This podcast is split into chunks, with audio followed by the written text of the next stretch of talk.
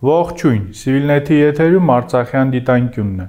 Այսօր խոսելու ենք հայ-ադրբեջանական համատեքստում տեղի ունեցող վտանգավոր զարգացումների մասին։ Ադրբեջանի պաշտպանության նախարարությունը վերջին շրջանում գրեթե ամենօրյա ռեժիմով մեղադրում է հայկական կողմին հայ-ադրբեջանական սահմանին հրադադարի ռեժիմը խախտելու մեջ։ Ադրբեջանի պաշտպանության նախարարության կողմից տարածվող այսօրինակ հայտարարությունները հետևողականորեն հերքում են Հայաստանի պաշտպանական գերատեսչության կողմից։ Բաքուն նմանատիպ տեղեկատվական ակտիվություն սովորաբար ցուցաբերում է հերթական ռազմական սրացում նախաձեռնելուց առաջ։ Լեռնային Ղարաբաղում օգոստոսյան էսկալացիան սկսելուց առաջ եւս Ադրբեջանը օրեր շարունակ հաղորդագրություններ էր տարածում, մեղադրելով հայկական կողմերին ադրբեջանական դիրքերի ուղությամբ կրակ բացելու մեջ։ Մեկ այլ իրադարձություն, որը հուշում է այն մասին, որ Բաքուն նոր ռազմական սրացման է պատրաստվում, տեղի ունեցել սեպտեմբերի 10-ին։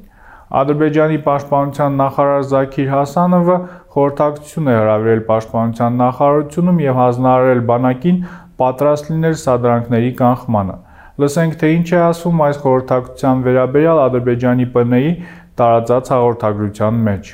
Խորհրդակցության ընթացքում հայ-ադրբեջանական սահմանին, ինչպես նաև ռուսական խաղաղապահ առաքելության ժամանակավոր տեղակայման տարածքում օպերատիվ իրադրության եւ ընթացիկ իրավիճակի մանրամասն վերլուծություն է անցկացվել։ Հատուկ ընդգծելով լարվածությունը, որը կարող է ի հայտ գալ վերջին շրջանում Հայաստանի զինված ուժերի կողմից Քելբաջարի ու Լաչինի ուղություններով ադրբեջանական բանակի դիրքերի ինտենսիվ գնդակոծության արդյունքում պաշտպանության նախարարը հրամայել է պատրաստ լինել բոլոր հնարավոր սանդրանքների անհապաղ եւ վճռական կանխարգելմանը։ Հատկանշական է, որ Հասանովի մասնակցությամբ նմանատիպ խորհրդակցություն տեղի էր ունեցել նաև օգոստոսյան սրացումից առաջ,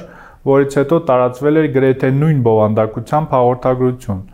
Այս առումով հետաքրքրական է, որ Բաքուն չի փորձում քողարկել սեփական գործողությունները։ Ադրբեջանական նոր ռազմական սադրանքի հավանականությունը բարձրացնող արտաքին գործոններ եւս գոյություն ունեն։ Այդպիսի առաջին կարևոր գործոնը Ռուսաստանի անհաջողություններն են ուկրաինական ճակատում։ Վերջին օրերի ընթացքում ուկրաինական բանակը հակահարձակման էր անցել Խարկովի շրջանում եւ վերահսկողություն հաստատել ռազմավարական նշանակություն ունեցող մի շարք բնակավայրերի նկատմամբ։ Ռուսական բանակի ստորաբաժանումները օրեր շարունակ անկանոն կերպով նահանջում էին մարտի դաշտում թողնելով մեծ քանակությամբ ռազմական տեխնիկա։ Ռուսաստանի այս խոշոր պարտությունը Ուկրաինայում կարող է ոչ միայն բարձրացնել ադրբեջանական նոր սադրանքի հավանականությունը, այլև ազդել նոր էսկալացիայի մասշտաբի վրա։ Ռուսաստանի ռազմական անհաջողությունների ֆոնին Բաքուն կարող է հակված լինել ավելի լուրջ շրացման գնալ, շոշափելով Մոսկվայի կարմիր գծերը մեր տարածաշրջանում։ Ռազմական նոր սրացման հավանականությունը բարձրացնող երկրորդ արտաքին գործոնը եւս կապված է Ռուսաստանի հետ։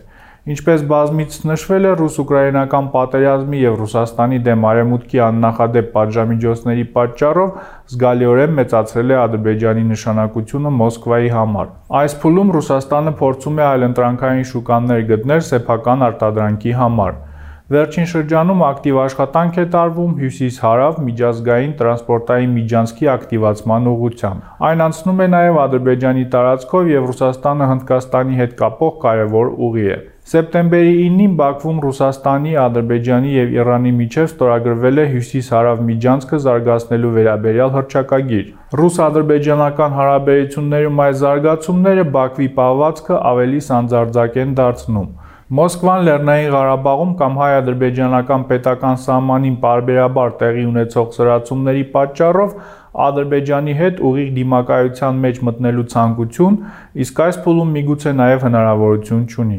Այս բոլոր զարգացումները հուշում են, որ մոտ ապագայում Լեռնային Ղարաբաղում կամ հայ-ադրբեջանական սահմանի նոր ռազմական սրացման հավանականությունը բավականին բարձր է։ Ադրբեջանը սովորաբար օգտագործում է այս սրացումները պրակտիկ արդյունքներ ձեռք բերելու համար։ Եթե օգոստոսյան սրացման նպատակը Լաչինի Միջանցքի այլընտրանքային երթուղու գործարկումն ու Բերձոր եւ Աղավնո բնակավայրերի նկատմամբ վերահսկողության հաստատումն էր,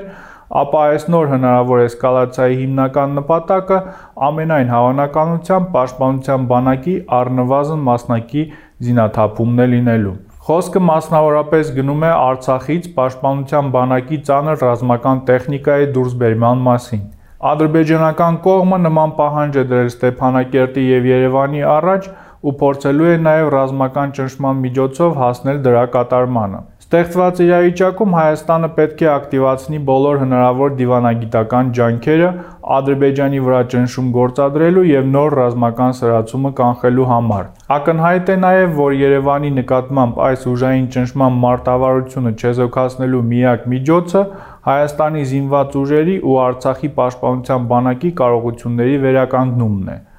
Այս փուլում այդ ուղղությամբ առարկայական գործողություններ չեն երևում։